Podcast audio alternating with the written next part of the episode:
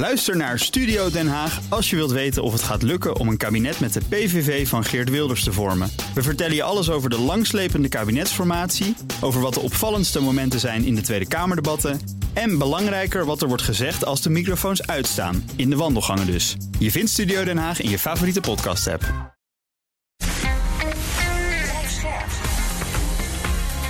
BNR Nieuwsradio. Boekenstein en de Wijk. Hugo Reitsma. Dit is een extra uitzending van Boekenstein en de Wijk in verband met de oorlog in Oekraïne en de crisis met Rusland. Het is maandag, dag 117 van de invasie. Wat gebeurt er op dag 117, Arjan? Nou, er gebeurt toch wel heel veel. Uh, Severodonetsk en Lysychansk zijn hier voor driekwart uh, omsingeld. In de buurt daarvan ligt het plaatsje Toshkivka. En daar heeft meneer Kadirov, weet je wel, die kennen we, de Tsjetsjen... die heeft op het telegram gezet... nou, ik heb Toshkivka ingenomen. Oekraïners zijn terug gaan slaan. Uh, en het is nu onduidelijk uh, of het gevallen is of niet. Russen claimen ook uh, dat plaatsje Metolkine. Kharkiv wordt weer hartstikke zwaar uh, gebombardeerd. Dat is nogal wat trouwens. Hè? Uh, Mykolaiv zijn strikes. In Izium is een, is een, een gas processing plant geraakt. Odessa zijn explosies. Um, wat had ik nog meer?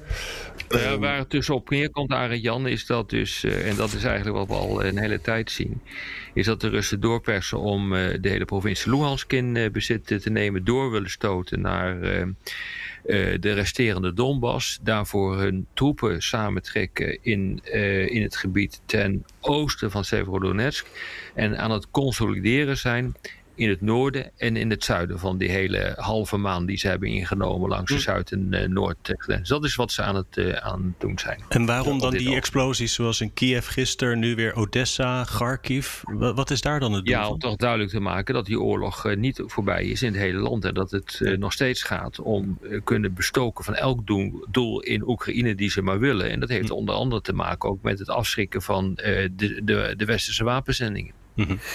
Gisteren, gisteravond... En het is een signaal natuurlijk aan, uh, aan Zelensky, laten we nou wel wezen. Ja. Gisteren kwam het bericht Sorry, van, uh, van, van, de Russen...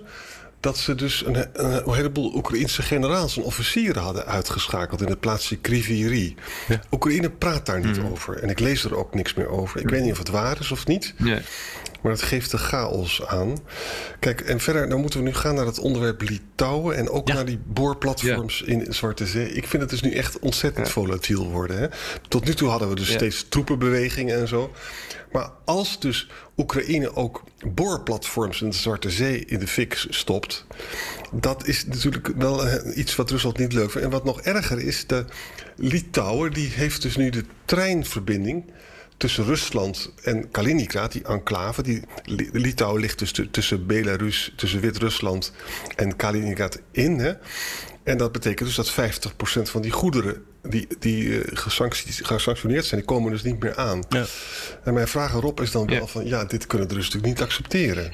Het Kremlin heeft gezegd, uh, die noemden het ongekend en een schending van alles. Zullen het grondig analyseren en met een passende reactie komen. Dat is de officiële tekst. Ja, dat is een oorlogsverklaring. In wezen is het een oorlogsverklaring wat je doet als je dit soort uh, dingen aan het uh, doen bent. Want dit betekent gewoon dat je daarmee probeert om de enclave Kaliningrad af te grendelen. En dat is toch echt gewoon soeverein Russisch gebied. Ik vind dat een hele gevaarlijke wat hier gebeurt. Ik ook. Ik vraag me werkelijk af of, of dit is overlegd met, met de NAVO, met de Amerikanen.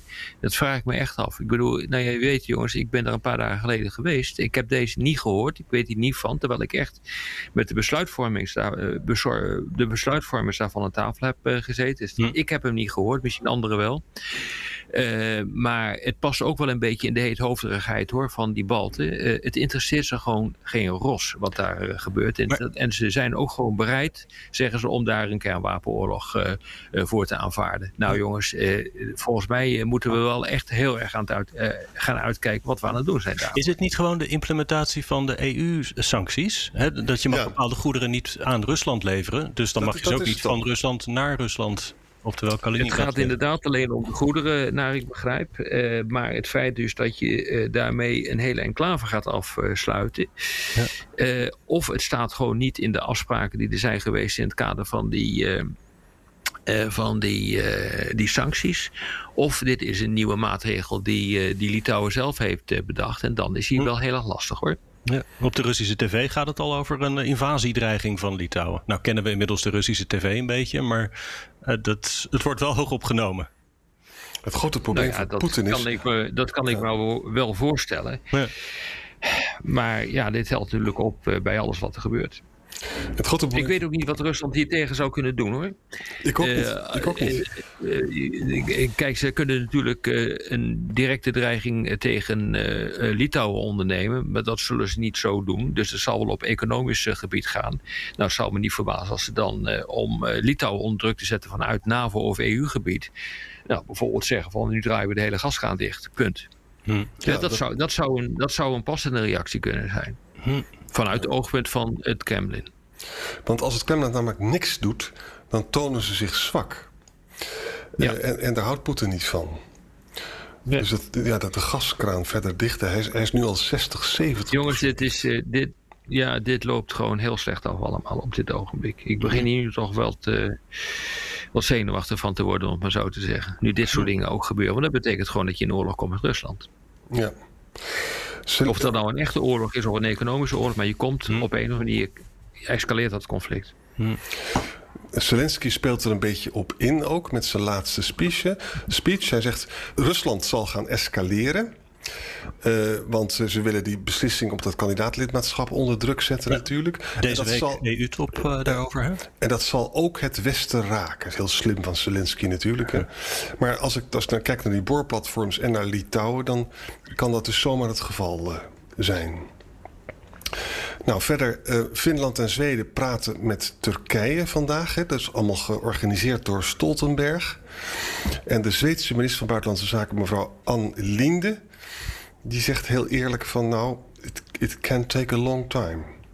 Dus het is nog helemaal niet zo... Het is ook heel erg verschrikkelijk hè, wat hier gebeurt. Want wil je dus nu echt Kaltaat optreden... moet je landen gewoon er overmorgen bij halen. Exact. Dus wat hier gebeurt is... de hele boel uh, wordt inderdaad uit elkaar gespeeld. En uh, ik denk dat, uh, dat Poetin zich echt omdraait van het lachen hoor in zijn bed. Want dit, dit, gaat, dit is gewoon niet oké wat hier gebeurt. En dankzij de heer, ja, en toch, ja, dankzij de heer Erdogan. Ja. gebeurt dat nu. En dan kun je zeggen, ik heb nog wel een ene begrip voor Erdogan, wat hij zegt. Omdat er inderdaad links zijn met, met radicale elementen van, van, van, de, van de Koerdische gemeenschap in, in Zweden. Dat is ook zo. Maar je gaat hier dus nu de hele Europese veiligheid aan ophangen aan een incident in Zweden. Ja, jongens, dat kan gewoon niet. Is die NAVO-top die hierover moet gaan ook niet deze week eigenlijk? Het was eind juni. Uh, ja, eind, eind van de week volgens mij. Ja. Dus dat zou een blamage zijn als daar geen uitkomst is. Lijkt me. Er komt toch geen uitkomst. Dat, uh, dat is uh, voor mij al wel redelijk vaststaan dat er geen uitkomst komt. Als het wel komt, dan ben ik aangenaam verrast. Ik hm. zeg nooit nee dat iets niet kan. Maar uh, wat ik ervan begrepen heb, uh, begrepen heb van, via de achterdeur is uh, dat, het, dat er een proces wordt afgesproken en dat in het proces dan uiteindelijk wordt toegewerkt naar een lidmaatschap van die landen. Het is overigens wel zo dat... Typische, de typische oh. NAVO-oplossing. En het overigens wel zo dat zowel Amerika als Verenigd Koninkrijk... hebben aangeboden aan Scandinavië, om het zo maar te zeggen... Uh, Zweden en Finland, van dat zolang ze nog geen lid zijn... geven wij een veiligheidsgarantie af. Hè? Ja, dat klopt. Ja. Dat is, dus dan zijn ze de facto uh, NAVO-lid. Ja, dat klopt. Ja. Dus dat betekent ook dat de nucleaire garantie van toepassing wordt voor, uh, uh, voor Finland en Zweden. Ja. Met Kazachstan gaat de ruzie ook voort. We hebben dus gezien gisteren bij dat, bij dat forum in, in Sint-Petersburg... dat Kazachstan die annexatie niet erkent. Nou, Rusland blokkeert gelijk de olie naar Kazachstan. En Kazachstan heeft geretaliëerd door de treinwagons met steenkool uh, niet naar Rusland te laten vertrekken. Hm. Wel interessant hoor, wat er gebeurt. We moeten nog reageren op, op de CNN-generaals, met name Petraeus, hè, die gisteren op CNN zei dat, dat toch de beste kaarten in Oekraïnse handen waren. Er zat ook naast Stavrides en die, zei, die was het daar niet mee eens. Die hield zijn mond een beetje dicht, maar heeft zich daar later van gedistanceerd. Maar Rob, je bent het daar niet mee eens, hè? Met Petraeus? Nee, ik bedoel, je hoeft alleen maar te kijken nu wat uh, de situatie is. Maar ja, het, uh, kijk, Stavridis, ik ken ze beiden. Maar Stavridis, die ken ik veel beter. Is oud opperbevelhebber van, van de NAVO. Is echt een, vind ik wel een goede vent. Dat is altijd echt een, zo'n echte defense intellectual is dat geweest. Petraeus, dat is weer een beetje van uh, een soort, ja, nou, houdegen mag je hem ook niet uh, noemen, want het is ook wel een hele verstandig man op zich, maar wel eentje van, uh, ja, we slaan erop los. Ja. en dat, en Stavridis is wat dat betreft een meer een, dagzaam, dus ik kan me dat allemaal wel voorstellen hoe dat is gegaan. Ik heb het zelf niet gezien, maar je kunt niet zo zonder meer zeggen dat de Oekraïne nu de beste papieren heeft. Dat is gewoon niet zo op dit ogenblik. Dat wordt gelogen gestraft door, als je naar de kaart kijkt, wat er tot nu toe gebeurt uh, in de Donbass, wat er gebeurt in het noorden en het zuiden, uh, dat is, is niet zo. Ik bedoel, was het maar wel zo, dan zouden wij de eerste zijn die het uh, zouden zeggen. Dus Stavridis die heeft natuurlijk gewoon veel meer een wat meer realistische kijk. En die, die kijkt realistisch. En Petreus kijkt wat er zou moeten gaan gebeuren, wat hij zou hopen. Zo simpel is dat, denk ik. Ik heb uh, Petreus één keer ontmoet toen ik Kamerlid was. En toen gebeurde er iets heel hmm. hilarisch. Ik had de hele nacht daarvoor doorgewerkt en ik dommelde even weg. En toen heeft Pechtold mij gered door in mijn beeld te knijpen. dus hij heeft me gered voor de ondergang daar. Maar PT is echt zo'n kwikzilverachtige man, buitengewoon intelligent.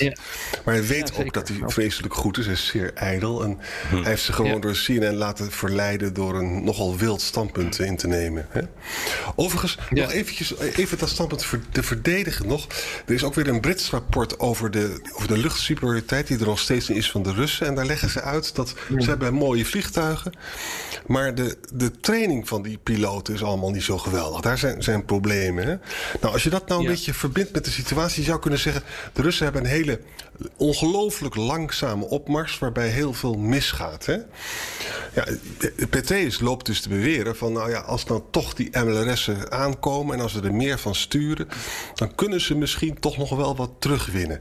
Op zichzelf ja, kan dat, dat waar zijn. Dat, dat is inderdaad ook uh, de haviken die ik uh, spreek.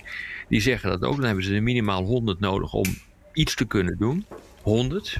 Nou, ze hebben er nu weer vier gekregen. Dus dan, zijn we nog, dan krijgen ze totaal acht of zo. Of, uh, of tien. Iets in die geest van, van Amerika. Ja, weet je. Dat is, ze krijgen gewoon te weinig. Dat is het hele punt. Ja. Uh, dus het zal niet gaan. En ik zie ook niet 1, 2, 3 dat Amerika zal zeggen: van nou, krijg je 100 van die dingen van mij. Hmm, hmm. Dat, ik zie dat niet snel gebeuren. Zeg nooit nooit, maar ik zie dat niet snel gebeuren. Ja. Hey, voordat we uit de tijd lopen, wil ik nog even gemeld hebben dat het kabinet het bescherm- en herstelplan gas in werking stelt. Hebben ministers Jette en Vuilbrief uh, bekendgemaakt op een persconferentie. Natuurlijk een onderwerp dat we veel hebben gevolgd. Een beetje vergelijkbaar met wat Duitsland gisteren heeft uh, besloten. De, ja. uh, de cap op de kolencentrales wordt er afgehaald. Dat is een, eerst nog een wetgevingstraject. Maar daarna kan je dan meer kolen stoken en meer gas besparen. En er is een oproep aan u allen om korter te douchen. Ja, Oké. Okay. Nou, dat doen we dan maar. Hè? Ja. Jongens, ik heb geen goed. Maar, goed maar realiseer, nee, inderdaad, realiseer je dat we langzaam opschuiven in de richting van de oorlogseconomie. Absoluut, absoluut. En uh, dat, uh, dat zullen mensen niet leuk vinden om te horen. Maar als je dus dit soort dingen gaat doen, dan ga je daar dus dan ga je die richting op. En zeker als zeg maar gebeurt wat ik net heb gezegd als een mogelijke optie, met 25 slagen om de arm, dat Poetin zegt van oké, okay, Litouwen, prima dat je het zo doet, maar nu sluit ik helemaal de boel af. En je krijgt helemaal geen gas meer Europa, want zorg er maar voor dat je Litouwen in het gereel dwingt. Dan zit je er echt middenin. Dan blijft het niet bij korte douchen aan gevolgen. Nee, dan blijft het niet bij korte douchen. En wat je dan gaat, uh, gaat krijgen, is uh, dat je dus een volledige militarisering ook krijgt van de Europese en Amerikaanse economie. Waarbij uh, er, er wordt, heel veel geld wordt gestoken, ook in de defensieindustrie, om heel snel tanks te maken, munitie te maken en ga zo maar doen. Mm-hmm. Dat ga je dan krijgen. Die, die discussies lopen op de achtergrond wel hoor, maar dat ga je dan waarschijnlijk krijgen. En de, en de bevolking heeft, zal daar geen begrip voor hebben mensen die accepteren dat niet. Dat ze, dat ze korter moeten uh, Nee, niet als ze geen directe bedreiging eh, voelen. Maar ja, je weet nooit wat er gebeurt in een democratie. Mm, mm. Ja. Dus het is wel zo, als de bevolking wordt uitgedaagd, dan gebeurt er wel wat. Maar ja, ik zou het niet kunnen voorspellen op dit ogenblik. Ik ook niet. Nee. We zien elkaar morgen, nou, jongens. Zien we morgen verder. Morgen maar weer verder, hè? Helemaal uitgeluisterd? Dan bent u kandidaat voor de speciale extended editie van Boekenstein en de Wijk. Aanstaande vrijdag vanaf half acht in Nieuwspoort. Over Oekraïne en een nieuw tijdperk voor Europa. Met de gast hoogleraar Beatrice de Graaf. De zaal is al vol, maar er is ook een livestream. Ga voor tickets naar haagscollege.nl.